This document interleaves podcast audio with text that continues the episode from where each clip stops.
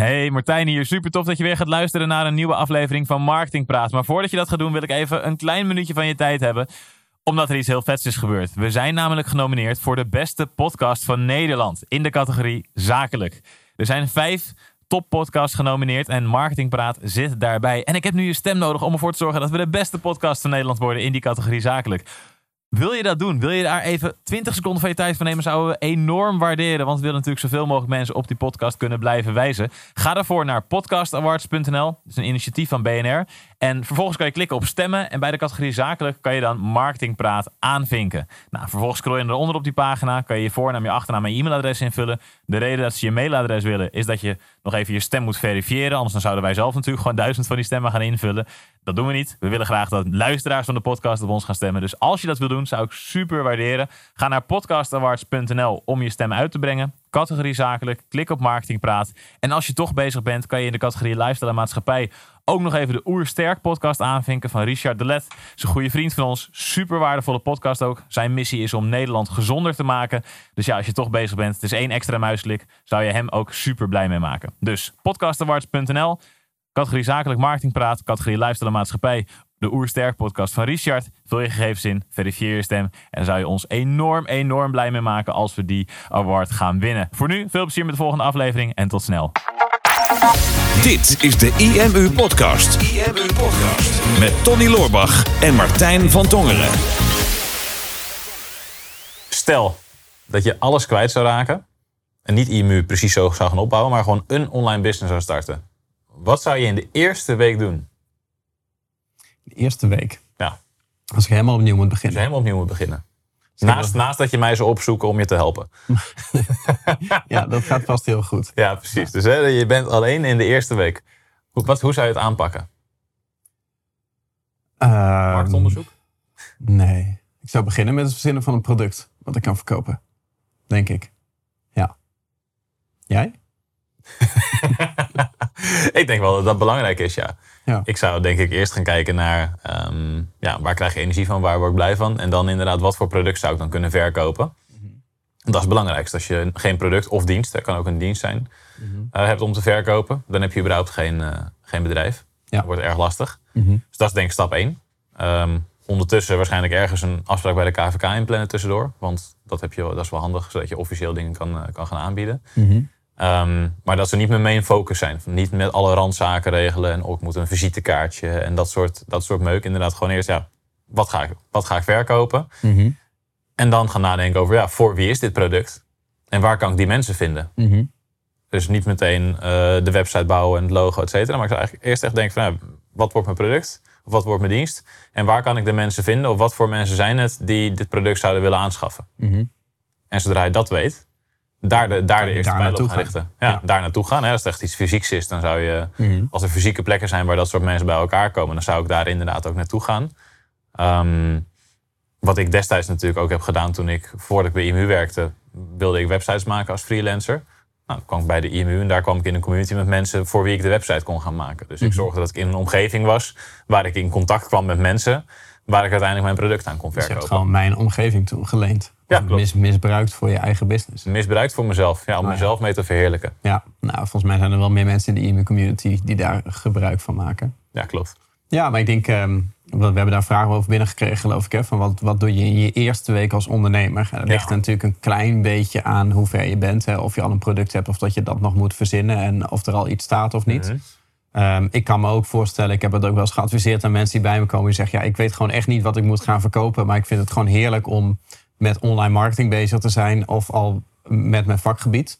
Zou ook nog een uitzondering kunnen zijn. Als je denkt van nou, ik wil die stap naar ondernemerschap maken. Maar ik heb niks om te verkopen. Maar de passie is er al wel. Mhm. Dat je bijvoorbeeld dan wel gaat beginnen aan je contentstrategie. Ja, Ja, als jij een, eh, iets hebt wat je, wat je heel erg leuk vindt, bijvoorbeeld eh, eh, psychologie, ik noem maar iets, dat je al wel gaat bloggen of video's gaat maken of op social media gaat, dat je al wel iets gaat creëren, al wel mensen bereikt, maar dat er nog feitelijk geen geld wordt verdiend. Dat, dat zou je situatie kunnen zijn, maar normaal gesproken begin je inderdaad gewoon met waar wordt mijn omzet mee gemaakt.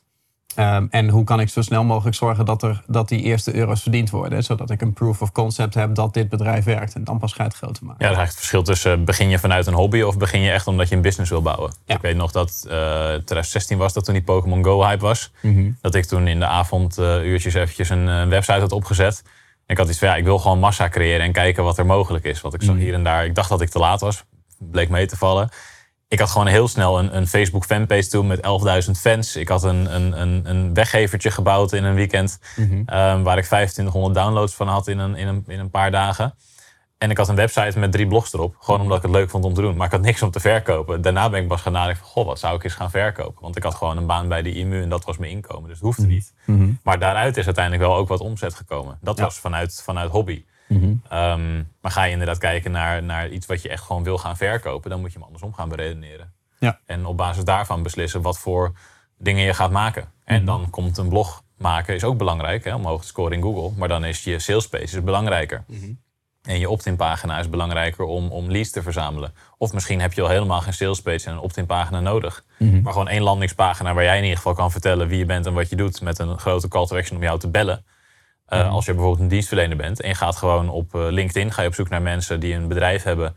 En waar jij ze kan helpen met product X of dienstverlening X. Of dat nou uh, human resources is, of dat dat nou Facebook ads runnen is. Of uh, weet ik veel. Um, een, uh, een uh, koekenpan zonder uh, anti, of met een hele goede anti-aanbaklaag wat niemand kent. En dat je proactief op zoek gaat naar mensen die, daar, die je daarmee zou kunnen helpen. Mhm. Um, en daar dan het, het, gesprek mee openen van hey, hoe is het en hoe gaat het met jouw kookkunsten? Of hey, hoe is het en hoe gaat het met jouw Facebook ads? Doe je al Facebook ads? Of hey, ik zie dat jij op dit moment deze en deze activiteiten doet, maar dit doe je nog niet. En dit is de potentie daarvan. Dus gewoon eigenlijk ja, koud mensen gaan benaderen om een band op te bouwen. En vervolgens te kijken of je daar je product zou kunnen aanbieden. Ja, want kijk, um, vanuit hobby starten, dat kan als uitzondering. Alleen um, dat wat gratis werkt, is niet per se een garantie dat, dat het ook betaald werkt. Het kan best wel zijn dat, net zoals bij Pokémon, was dan een, een, een hype op dat moment. Maar ja. Um, je kan daar dan iets gratis gaan doen. Dus een community opzetten, content gaan maken, social media strategie gaan voeren. En je merkt dat je met gratis dingen doen, dat je heel snel bereik kan pakken. En dan zou je kunnen constateren van oké, ik bereik mensen, er wordt op gereageerd, er is energie. Dus blijkbaar is er behoefte aan wat ik aan het doen ben. En dat is enigszins een terechte uh, constatering. Maar dat er behoefte is aan jouw gratis oplossing, betekent niet per se dat mensen ook bereid zijn om ervoor te betalen. Of dat ze bereid zijn om te betalen voor jouw specifieke product. En, en dat waar het vaak gewoon een beetje knelt hè, bij uh, mensen die net gaan starten als ondernemer. Dat ze eerst heel veel bezig zijn met, met het veilige. Van nou, hè, ik ga mijn marktonderzoek doen en ik ga mijn businessplan schrijven. Want dan hebben er nog geen externe invloeden uh, op plaatsgevonden. En dan is het allemaal nog wat ik creëer. En dan, dan is alles nog goed en mooi. En dan ga ik vervolgens ga ik mijn website bouwen. En dan bouw ik eigenlijk aan mijn ideaalbeeld. Dan ben jij nog zeg maar, je business aan het creëren. In plaats van dat er klanten nog iets mee te maken hebben. En als die website dan staat, dan ga je je briefpapier en dan ga je je visitekaartjes. En dan moet alles straks staan. Dan ben je heel erg zeg maar, aan het klaarzetten voor het grote succes. Maar in de meeste gevallen weet je natuurlijk niet of dat grote succes daadwerkelijk gaat komen. Zelfs niet als, of zelfs maar een klein succes gaat komen. En als je ook nog zou besluiten van nou, ik heb die website en ik heb alles klaarstaan. Nu ga ik ook nog heel veel content maken en heel veel zenden. Dan kan je de illusie van een succesvol bedrijf creëren. Omdat er ook al heel veel reacties op komen. Of omdat er bezoekers zijn en dat soort dingen. Maar dan wordt er nog geen euro verdiend. Ja. En dan kan het zijn dat jij een product hebt wat helemaal niet aansluit. Dus dat je gewoon de verkeerde mensen aantrekt voor het juiste product. Of dat je de juiste mensen aantrekt voor het verkeerde product. En dat weet je dan nog niet. En dat is heel moeilijk om dat uit die ruis nog te gaan destilleren. En echt business opschalen begint eigenlijk bij de keuze om het zo klein mogelijk te houden. We hebben dat heel vaak in een podcast gezegd. Hè, van als jij een product gaat verkopen, bijvoorbeeld, uh, nou, we noemen vaak hardloopschoenen als voorbeeld. Of ik dan, en jij luistert dan. um, ja, maar ik gebruik die zelf nooit. In. Nee, hebben we een ander voorbeeld? Noem eens een product. Ja, ik zeg meestal onze SEO-cursus. Ja, maar iets buiten ons eigen vakgebied. Iets wat mensen snappen. Ja, ik, ik, ik weet verder niks. Doe maar hardloopschoenen. Nou ja, of bijvoorbeeld uh, wat tastbaar de fitnessbranche bijvoorbeeld. Hè. Ik zie wel eens advertenties voorbij komen met uh, van die... Ik zeg heel vaak koekenpan. Dat is nu al de derde keer volgens mij. Maar goed, ik houd het even bij dit verhaal. Ja, ja is goed. Ja. ja, maar je ziet heel veel van die prachtige AliExpress producten voorbij komen. Hè. Van die Mhm. wonderproducten, van die Telcel producten waar je helemaal mee kapot getarget wordt. En dat zijn dan van bijvoorbeeld zo'n thuistrainer. Hè. Van oh, je hebt maar twee elastieken nodig en dan heb je geen sportschool meer nodig. Want je kan alle mogelijke oefeningen en dan word je super ripped. doet de advertentie jou geloven. En stel dat je zo'n soort product hebt, Ja. dan kan jij besluiten van oké, ik ga een website maken over fitness. Of misschien dat je in de valkuil trapt om het nog breder te doen, want hè, iedereen is mijn klant. Dus het gaat niet over fitness of niet over thuisfitness, maar het gaat over sport in het algemeen. Of misschien zelfs wel over voeding erbij. Of misschien zelfs wel over gezondheid in het Gezonde algemeen lifestyle. gezonde lifestyle. Van, hé, ik help jou op alle mogelijke fronten gezonder te worden. In plaats van, ik verkoop gewoon een apparaat waarmee je kan fitnessen. Dus dan, dan trek je het vaak al heel breed. Omdat je bang bent dat je, als je een keuze maakt, dat je misschien iets verliest. Dus dan hou je het heel breed. Dan ga je content maken, bijvoorbeeld over, over fitness. Ga je tips geven. En dan zul je zien dat er interesse is in dat onderwerp, in fitness. Maar mensen die geïnteresseerd zijn in fitness... en mensen die geïnteresseerd zijn in thuisfitness... en zelfs mensen die geïnteresseerd zijn in thuisfitness zonder budget en zonder ruimte... van die mensen weet je nog steeds niet of die bereid zijn om jouw specifieke product te kopen. Dus, dus die vraag is nog geen garantie op, op succes. Op het moment dat je die ruis eerst weglaat en je gaat super concreet maken en je gaat gewoon adverteren op een, eh, bijvoorbeeld op een zoekwoord, bijvoorbeeld eh, thuisfitnessinstrument of eh fitness elastiek, ik noem maar iets. Ja. Stel dat er nou elke maand eh 50 keer wordt gezocht op fitness elastiek. Dat is heel weinig. Maar als jij een advertentie hebt op dat ene woord en je weet dat je van die 50 mensen misschien wel 40 mensen kan laten klikken omdat er heel weinig concurrentie is op zo'n klein woord en zo'n specifieke markt, dan weet jij van er zijn in ieder geval 40 mensen die hebben op letterlijk mijn product gezocht. En die zijn op mijn aanbodpagina gekomen waar ze het konden kopen. Ja. Wat is daar gebeurd? Hebben ze het gekocht of niet? Stel dat je dat een tijdje volhoudt en het zijn er een paar honderd geweest en niemand heeft het gekocht. Dan weet jij, hier klopt iets niet. Ja. En dan heeft het ook geen zin om het tien keer zo groot te maken. Want tien keer niks is ook niks. En Ja. de honderd keer en duizend keer niks is ook niks. Dus, dus dat, is, dat zou ik in mijn eerste week doen. Hè. Zo snel mogelijk er naartoe van hoe kan ik zorgen dat ik een concreet product heb... wat je daadwerkelijk kan afrekenen. Zodat er daadwerkelijk cashflow is.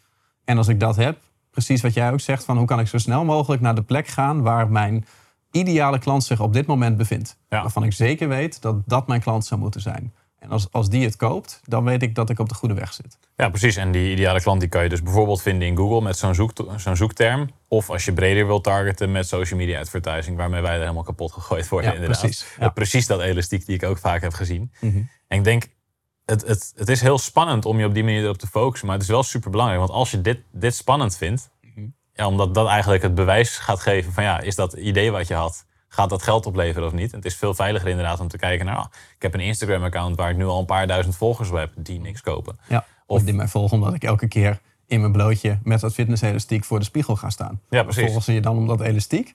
Of omdat Of om geen in je blootje. Ja, precies. Ja. Nou, we kennen wel een paar voorbeelden van mensen die enorme eh, followings hebben opgebouwd, maar Mhm. ehm, niet de business hebben waarvan je zou denken dat ze ze hebben. Nee. Omdat ze ooit een following op een bepaalde manier hebben opgebouwd, die niet meer past bij het product wat, of, wat ze nu verkopen of de dienst die ze nu verkopen.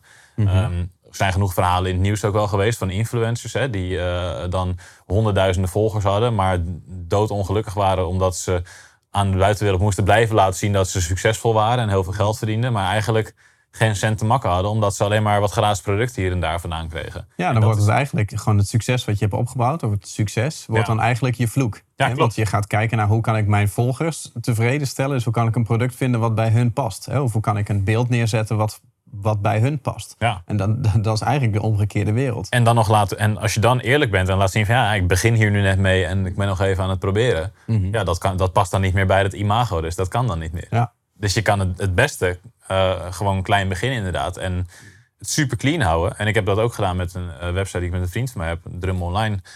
Hij, eh, die, hij kan drummen, hij heeft een paar video's opgenomen. Nou, En jij kan online. en ik kan online. jij bent- Drum online. Ja. Dat was het wel inderdaad. Kom je. Ja, het was echt tof. Ik kan online. Hij kan drummen, ik kan... Dit, is echt, dit hadden we erop moeten zetten. Maar het enige wat ik toen heb gedaan is verkooppagina maken, opt-in pagina maken en een homepage neerzetten die verwijst naar die opt-in pagina en die verkooppagina.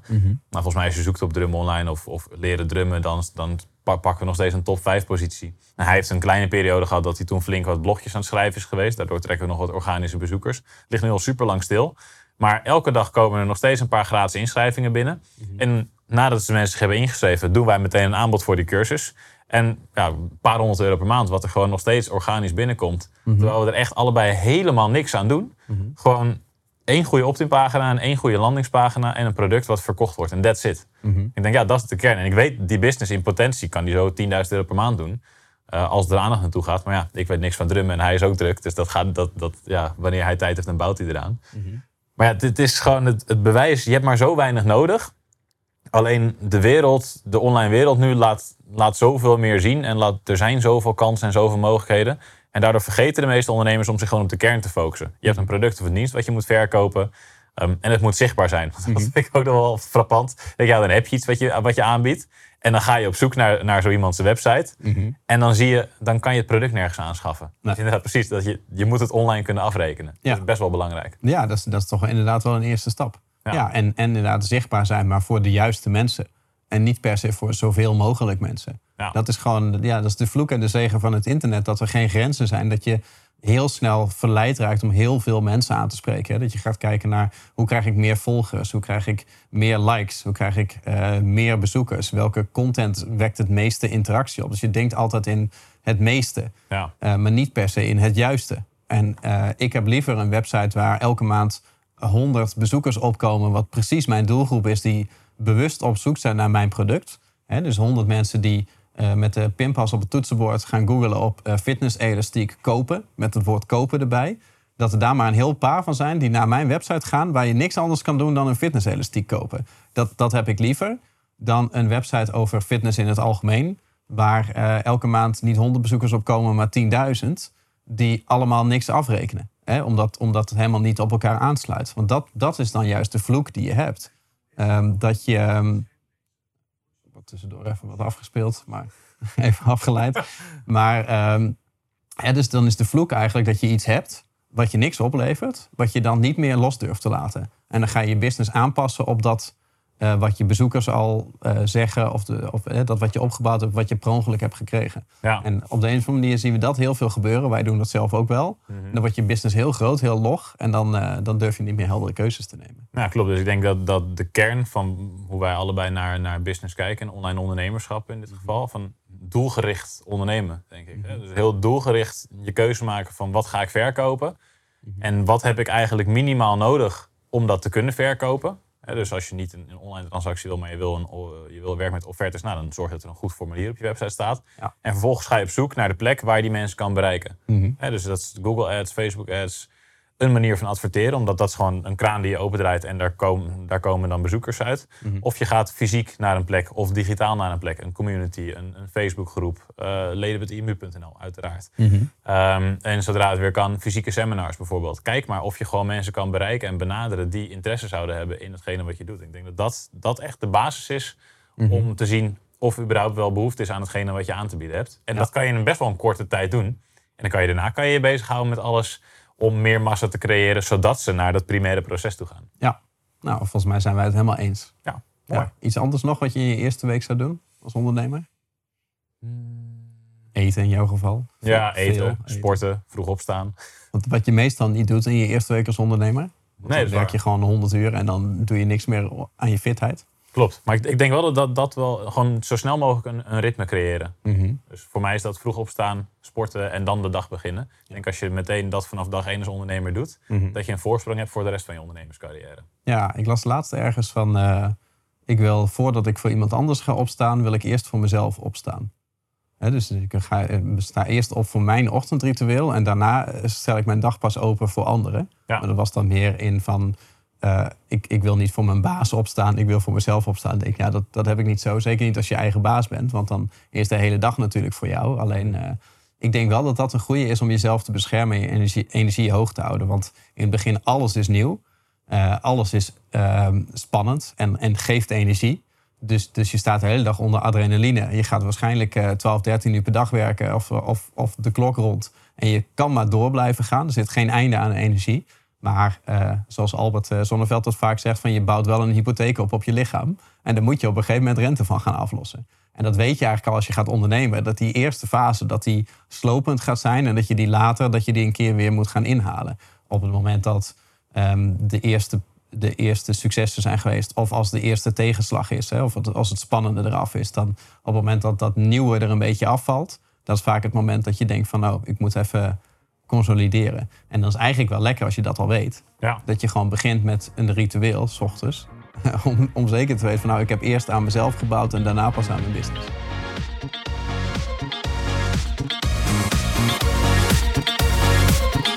Podcast. Super tof dat je hebt geluisterd naar de IMU podcast. Ik hoop dat je dit waardevol vond en dat je er inzichten uit hebt kunnen halen voor jezelf en voor je eigen business. Vond je dit nou een waardevolle podcast, dan zouden Tony en ik het heel erg waarderen als je dat zou willen delen. Enerzijds door dat bijvoorbeeld te delen via je eigen Instagram of via LinkedIn. Door een screenshot te maken van je telefoonscherm en ons er even in te taggen.